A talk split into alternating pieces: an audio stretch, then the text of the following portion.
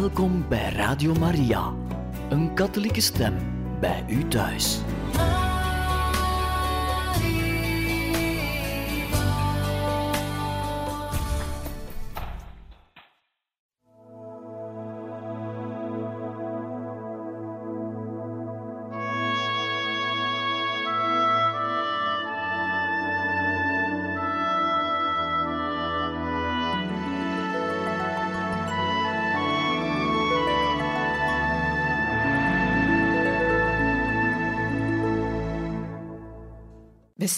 Luisteraars van Radio Maria, hartelijk welkom in dit programma Heilige Getuigen, waar wij verder gaan met de lezing uit het boek De Wenende Maagd van La Salette, geschreven door eerwaarde heer de Vleeschouwer.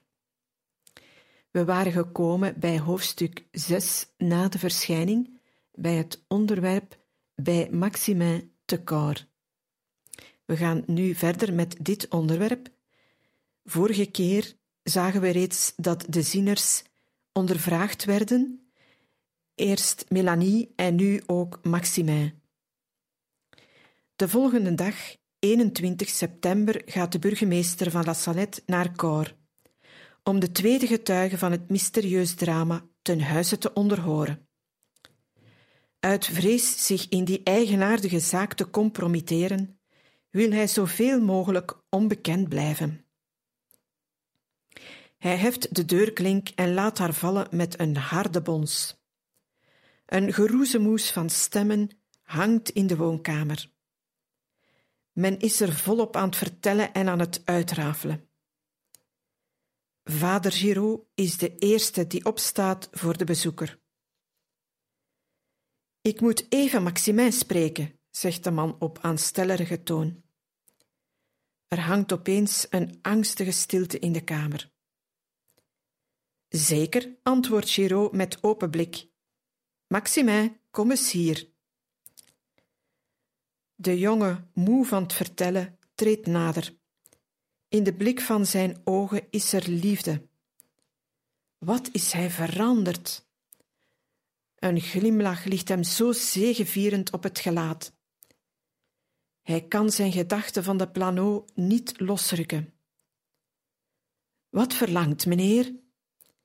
Dat ge me vertelt wat er in de bergen gebeurd is, antwoordt de bezoeker koeltjes.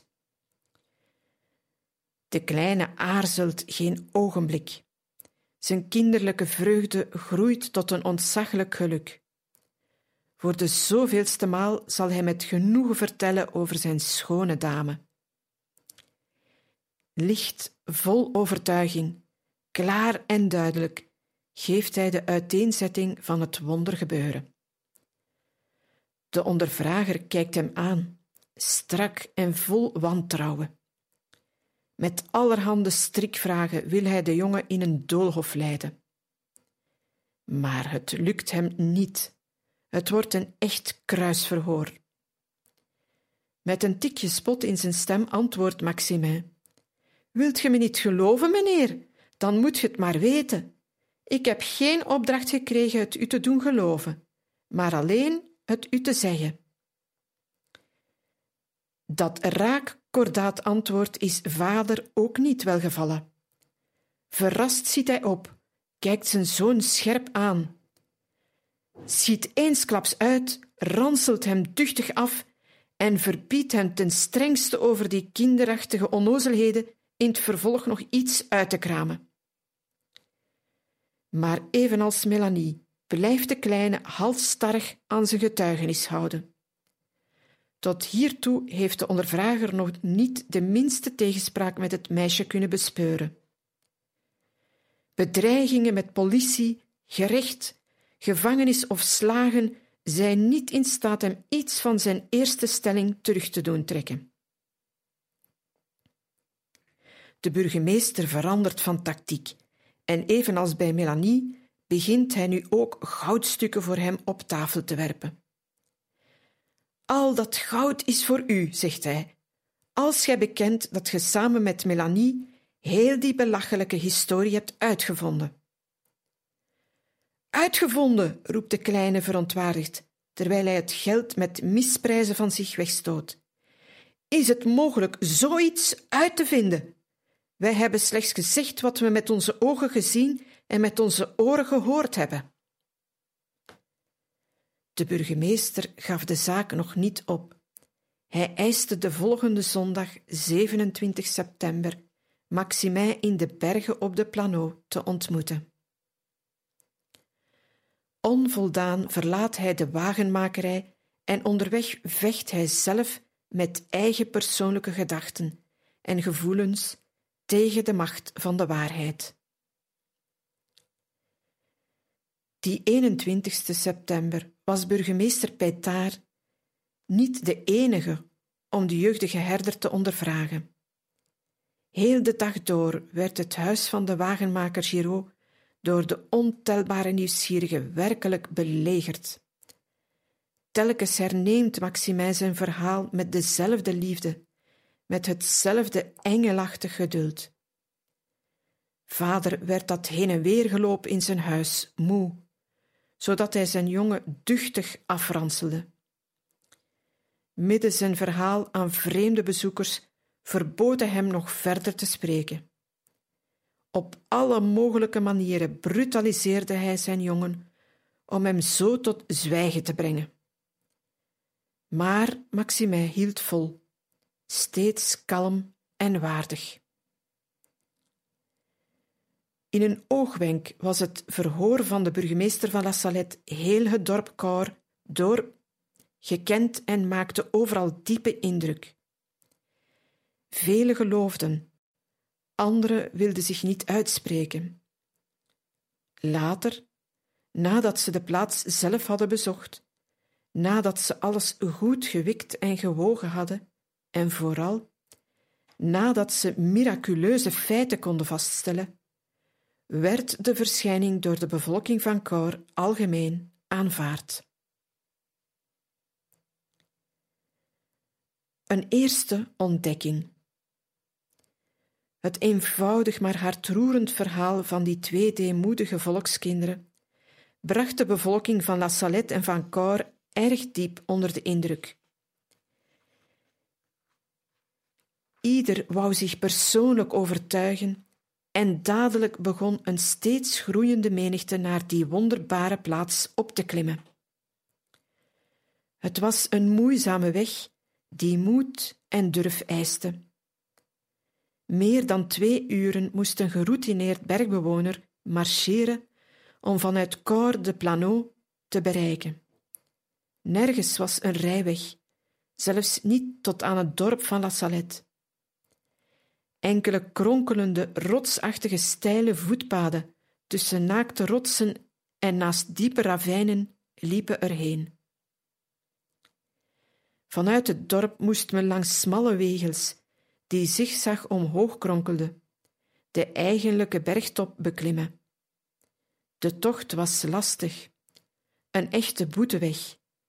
En nadat men met felle krachtinspanning was bovengeraakt, had men niets om zich te beschutten tegen de koude sneeuwwind of tegen de kletsende regen. De eerste tocht had plaats op maandag 21 september, twee dagen na de verschijning. Baptiste Prat, samen met enkele nieuwsgierige geburen, beklom de Planeau.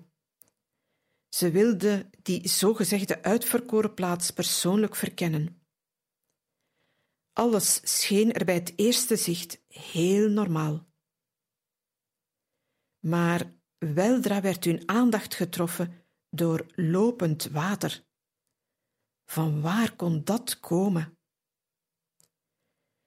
Tot grote verbazing stelde ze vast dat het klein fonteintje waar de kinderen met rotsblokken en bloemen hun paradijs hadden gemaakt en dat zomers altijd droog stond, nu overvloedig water gaf. Het was nogthans een buitengewoon droog seizoen geweest.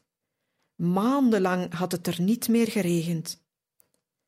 Bij nauwkeurig onderzoek stelde ze vast dat het water opborrelde, juist onder de steen waarop, naar de verklaring van de kinderen, de dame twee dagen tevoren neergezeten was. Het leek hier een buitengewoon verschijnsel waarvoor ze geen natuurlijke uitleg konden vinden. Dat feit stond onlogenbaar vast. Aanstonds wordt dat nieuws alom verspreid en druk besproken als een wonder, onverklaarbaar verschijnsel. Enige dagen later vertrok uit Cor een groepje bedevaarders. Het waren Maximin, zijn oude grootmoeder, zijn stiefmoeder, zijn elfjarig nichtje Melanie Carnal en nog enkele sympathiserende vrienden. Met buitengewone eerbied, bewust en klaar, vertelde Maximin daar ter plaatse de geschiedenis, terwijl hij met zijn vinger de respectievelijke plaatsen van de schone dame en van henzelf nauwkeurig aanwees. Hij trok de aandacht op hun paradijs, dat voor een paar dagen volledig droog was en dat nu vol water stond, en dat water borrelde juist op onder de steen waarop de dame zitten wenen had.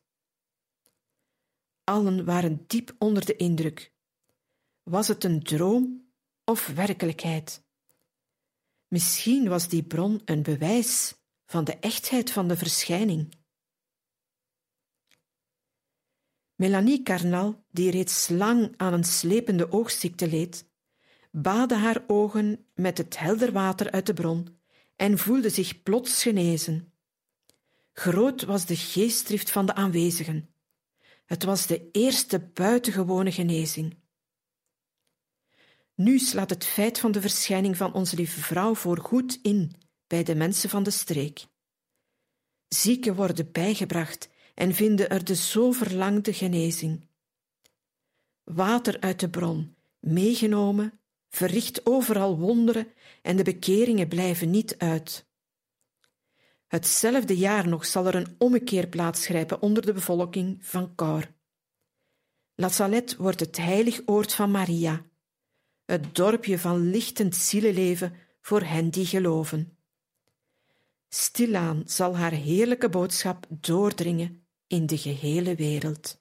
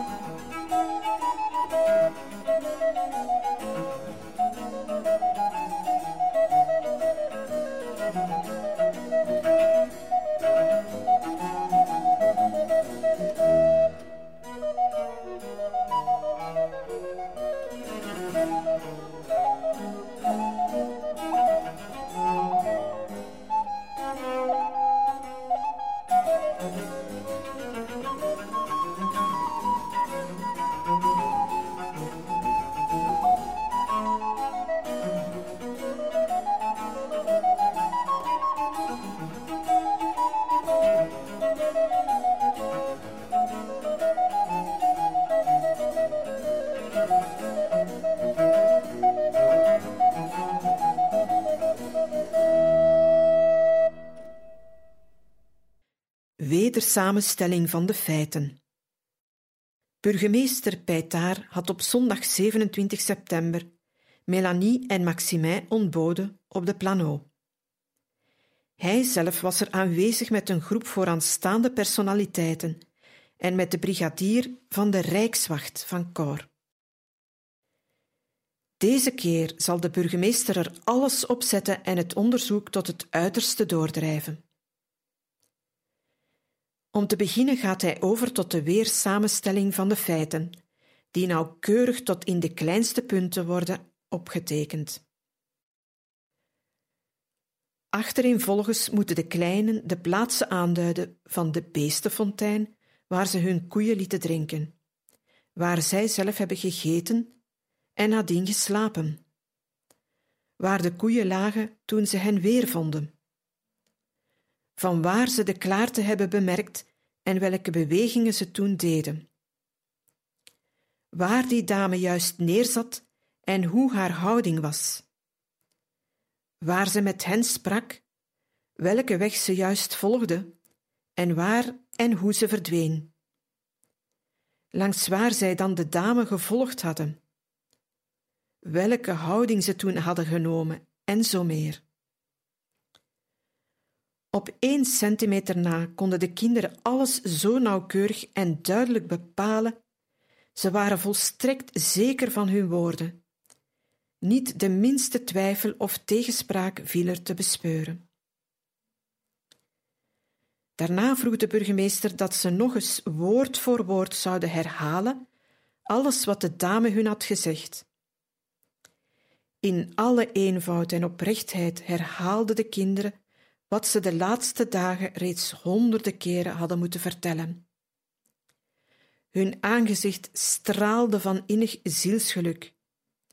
Het volstond hen te zien en te horen, om overtuigd te zijn van de waarheid die uit gans hun wezen sprak. Deze keer scheen de burgemeester voor de zaak gewonnen. Ja, hij begon eraan te geloven dat Maximin en Melanie daar een wonderschone dame hadden gezien en dat zij hen wondere dingen had meegedeeld. Bovendien is de bron, die normaal iedere zomer droog staat en nu in dit uitzonderlijk droog seizoen zoveel water geeft, ook een duidelijk materieel bewijs van een buitengewoon voorval. De brigadier van de Rijkswacht schijnt nog niet ten volle overtuigd. Al meteens grijpt hij de jongen vast en boeit hem. Hij houdt hem boven de steile afgrond en dreigt hem te laten vallen als hij niet gedaan maakt met die dwaze vertelsels. Maar het is alle verloren moeite. De jongen blijft kranig volharden. Zijn jongenshart wordt een heldenhart. Zal men dan toch moeten geloven aan de echtheid van de verschijning? De pastoor-deken van Cor, zeer eerwaarde heer Melin, een zeer wijs en voorzichtig man, had de geschiedenis van die verschijning ook vernomen. Maar volgens de voorschriften van de kerk in dergelijke gevallen hield hij zich voorlopig volledig op het achterplan. Hij was meer geneigd die zaken te negeren dan wel er geloof aan te hechten. Acht dagen na de verschijning liet hij Maximin en Melanie bij zich ontbieden. Uiterst streng en zeer wantrouwig ondervroeg hij de twee kinderen en stelde hen vragen, strikvragen en moeilijkheden, in de hoop een of andere lichtzinnigheid of tegenspraak te ontdekken. Evenmin als de vorige onderzoekers lukte het ook hem niet die twee kleinen op een dwaalspoor te brengen. Integendeel, de ernstige houding van de twee zieners, hun sprekende eenvoud en de eerbied waarmee ze de woorden van hun schone dame aanhaalden, gaven hem een zeer gunstige indruk.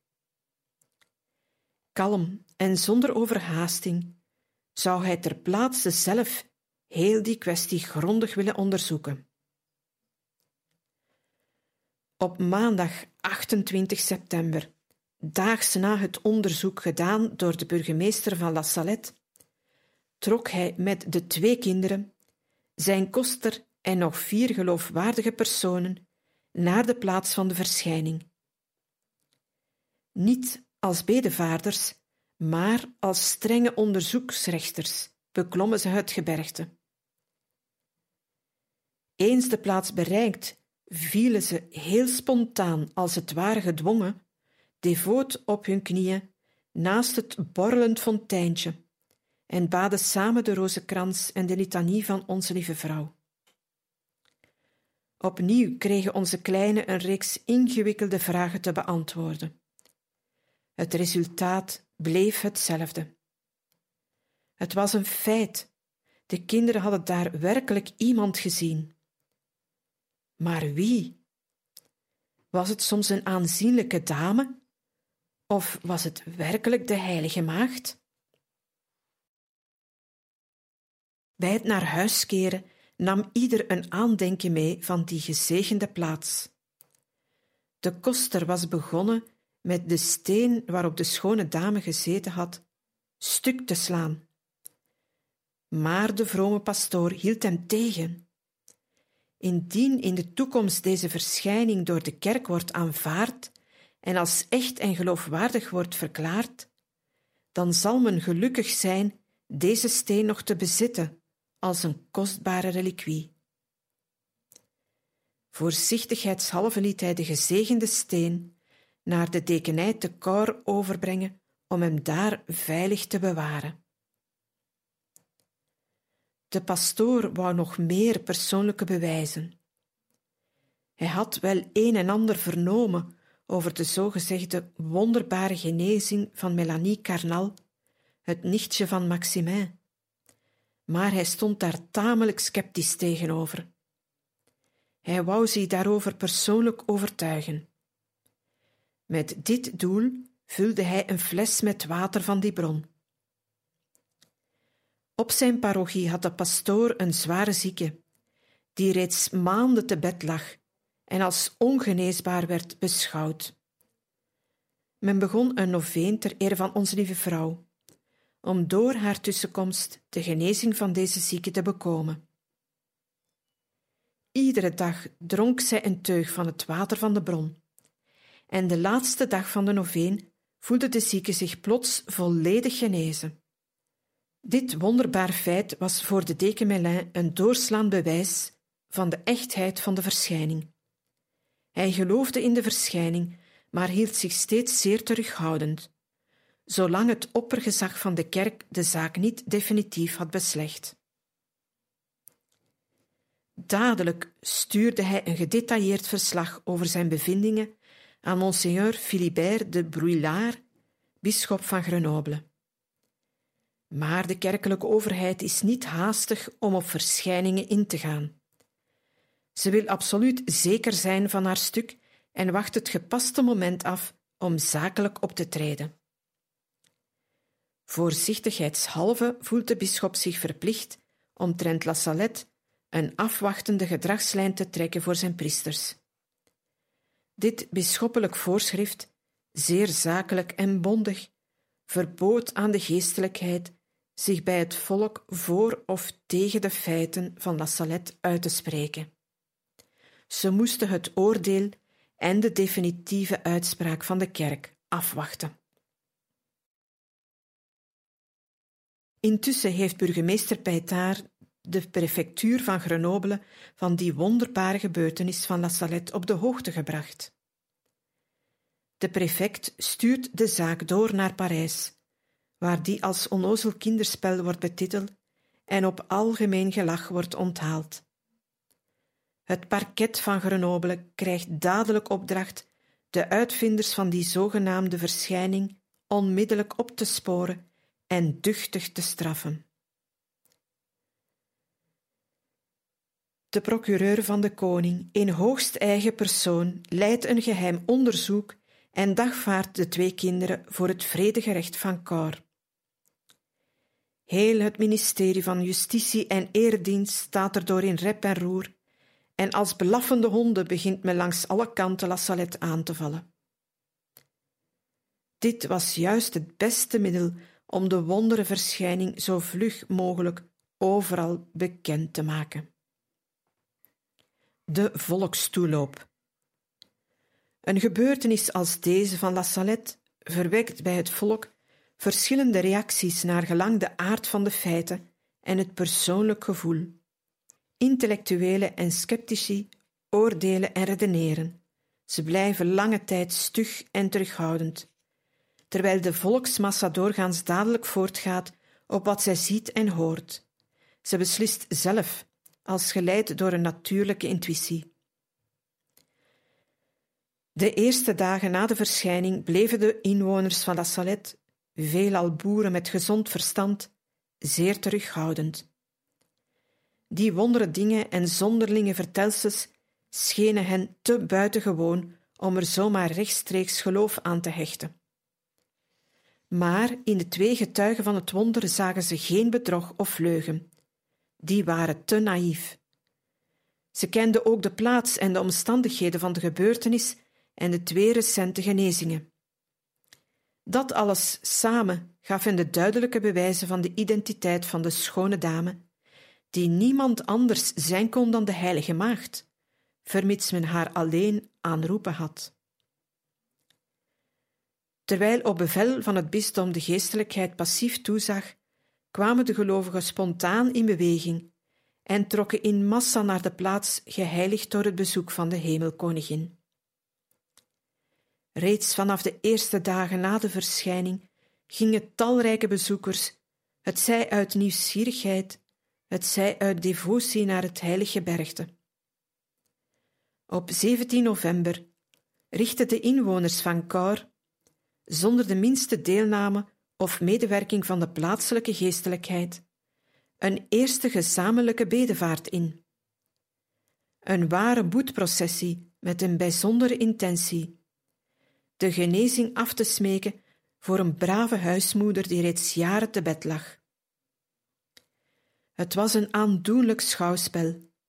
Die ingetogen devoot biddende massa die langzaam de steile helling van de Plano beklom, terwijl het gebergte weer galmde van blije Marialiederen. Na een moeizame, urenlange tocht bereikten ze eindelijk de ravijn van de Cesia. Overgelukkig vielen ze daar op die gezegende plaats op hun knieën, om door hun liefdevol gebed en boete hun bedroefde hemelmoeder te troosten. Urenlang bleef ze daarboven verdiept in gebed. De terugweg was even ordentelijk. Eens in het dorp terug, doorkruiste ze, wars van alle menselijk opzicht, biddend en zingend de bijzonderste straten om eindelijk aan de kerk uiteen te gaan. Het was een eerste triomf. Deze massale geloofsuiting behaagde de heilige maagd zozeer dat ze dadelijk de afgesmeekte genezing verleende en het lamme vrouwtje onmiddellijk genas. Dokter Calvat en de pastoor Dekemelin bevestigden deze plotse genezing en namen er nota van. De devote volkstoeloop, ingezet door deze zo geslaagde bedevaart en bekrachtigd door die wonderbare genezing, groeide met de dag. Op 28 november zetten de inwoners van Cor zich opnieuw in beweging. Maar ditmaal hadden de mensen van de dorpen uit de omtrek zich bij hen aangesloten. De bedevaarders waren wel duizend vijfhonderd in getal. Tot nog toe was er geen enkele priester bij. De bijtende sneeuwwind en de striemende regen konden hun luidruchtig enthousiasme en hun innige liefde niet doven. Na een vijf uren lange strijd tegen regen en wind bereikte de laatste eindelijk de gezegende plaats. Een vol uur bleef ze daar devoot geknield in die ijselijke kou die door merg en been ging. Zulke oprechte kinderlijke genegenheid kon de lieve hemelmoeder niet onbeloond laten voorbijgaan. Ze schonk daar de genezing aan een moeder uit Devoluy, die door haar man en haar zoon op hun armen was naar boven geschouwd. Het werd een hemelse triomf. Hun enthousiasme steeg ten top en uitte zich in eindeloze jubel en dankbaarheid. Eindelijk had de vader van Maximin zijn opgeheven arm tegen La Salette laten vallen. Er was een kentering in zijn leven gekomen.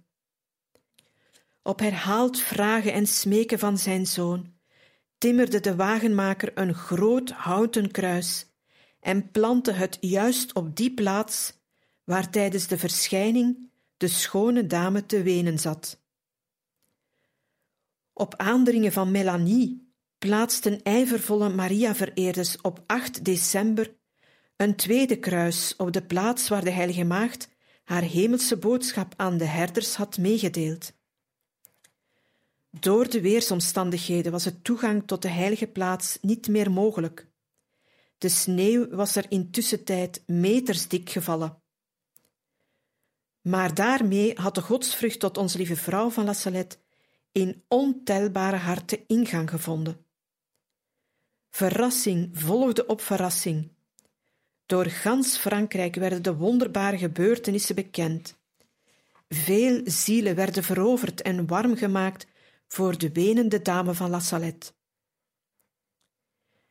Omstreeks einde mei was de sneeuw op het gebergte ver weggesmolten en nu begon voorgoed de toeloop. De laatste dag van de maand waren minstens zesduizend mensen op de plaats van de verschijning samengestroomd.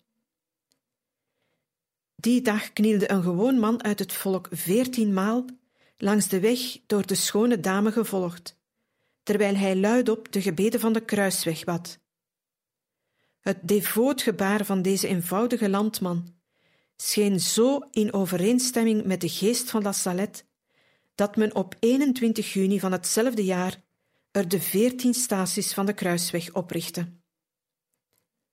Dagelijks kwamen uit alle hoeken van Frankrijk de pelgrims in massa toegestroomd en trokken te voet de moeizame bergwegen op, om ginds hun hemelmoeder een kinderlijke openbare hulde te brengen.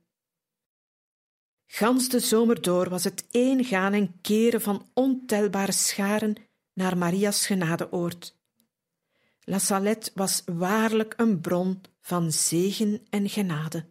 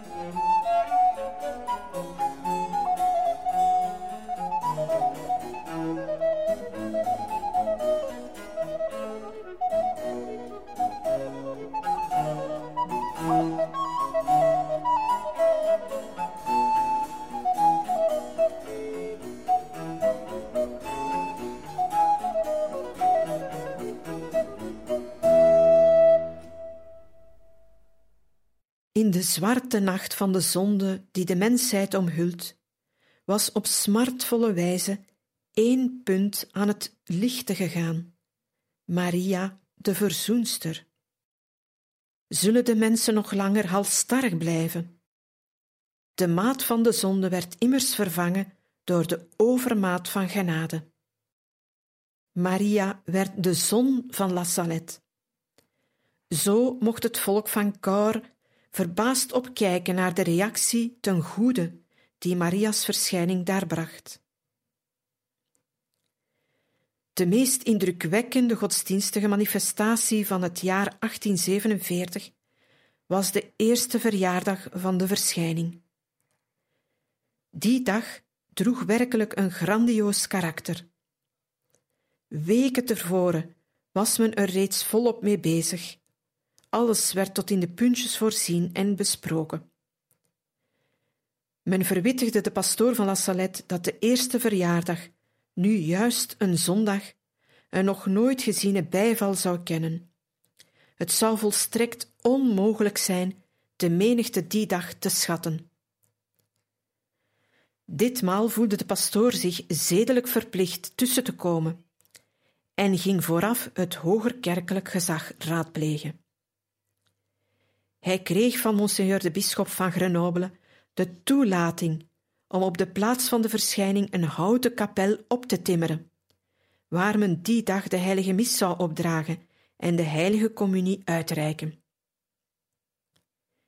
Drie dagen voor de verjaardag begon de volkstoeloop.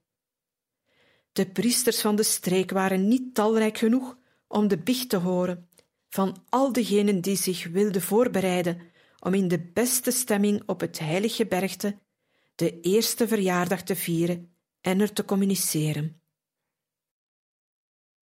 Zaterdag 18 september wemelde het rondkoor van sjezen, wagens, karren, muilezels en voetgangers.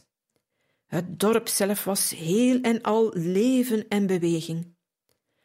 Alle huizen zaten reeds opgepropt, stallen, schuren, zolders, rotsholten, alles werd bezet. De twaalf gehuchten van La Salette werden eveneens overrompeld. Iedereen zocht een onderdak, want van in de namiddag striemde zonder ophouden een ijskoude regen.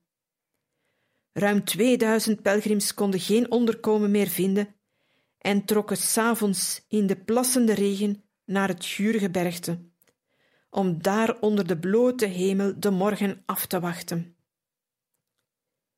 Vele verdoolden op de donkere, onbekende bergwegen en konden slechts na lang zoeken en dolen bij het eerste morgenschemer doodmoe de plaats bereiken. Anderen gleden van de natte rotsen en vielen in ravijnen. Maar moeder waakte en zorgde voor haar kinderen. Niemand verongelukte en ieder belandde gaaf en gezond op het doel van de bedevaart. Het was er verschrikkelijk. Een ijskoude stormwind maakte het daarboven onuitstaanbaar. De pelgrims vluchtten in groepen dicht bij elkaar, om zo toch min of meer aan die ijselijke kou en kletsende regen en sneeuw te kunnen weerstaan. Midden in dat nachtelijk tempeest weerkaatste in de donkere vallei de blijde tonen van het Salve Regina en van het Magnificat. Iedereen voelde zich buitengemate getroost en zielsgelukkig.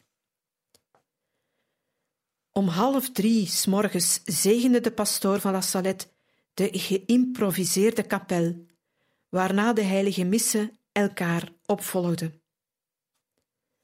Wanneer de wind bij rare tussenpozen de wolken en de mist wat uiteendreef, zag men over de hele afstand lichtende slierten uit de vallei in de duisternis omhoog kruipen. Het waren toortsen en lantaarns, waarmee de komende pelgrims langs uitstekende rotsen en dreigende ravijnen hun weg verkenden. Eens de dageraad in het zicht, verdubbelde de toeloop. Het werd een eindeloze, biddende processie. Juist voor de middag kon men genieten van een overheerlijk schouwspel. De dikke mist, door de westenwind uiteengedreven, liet hier en daar de zonnestralen doorschijnen. In één oogwenk baadde de ravijn van de Cesia in een schittering van licht. Het enthousiasme steeg ten top.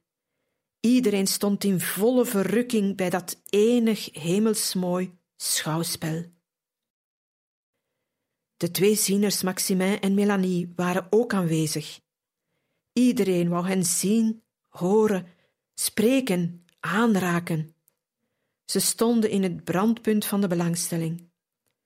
Honderden vragen moesten ze beantwoorden en herhaaldelijk en opnieuw de gebeurtenis van het jaar tevoren vertellen, terwijl de massa gretig en devoot luisterde. Het getal pelgrims dat die dag La Salette bezocht, is niet te schatten. Van heinde en ver waren ze erheen gestroomd. Het was een echte triomfdag voor onze hemelmoeder, die van daarboven haar genade mild uitstrooide over die biddende en boetende menigte.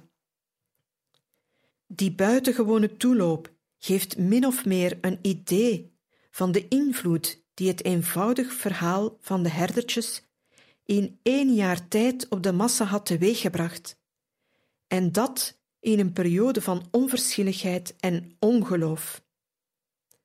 Het was een feit. La Salette werd een zegen en zou de wereld door weerslag vinden. Werkelijk, in twee jaar tijd was de boodschap van de schone dame alom bekend. Niet enkel uit de verste hoekjes van Frankrijk, maar ook uit Engeland, Holland, België, Duitsland, Spanje, Italië en Zwitserland tot zelfs uit Afrika trokken devote pelgrims naar het heilige gebergte van La Salette, om daar hun hemelmoeder te vereren, te smeken en te danken.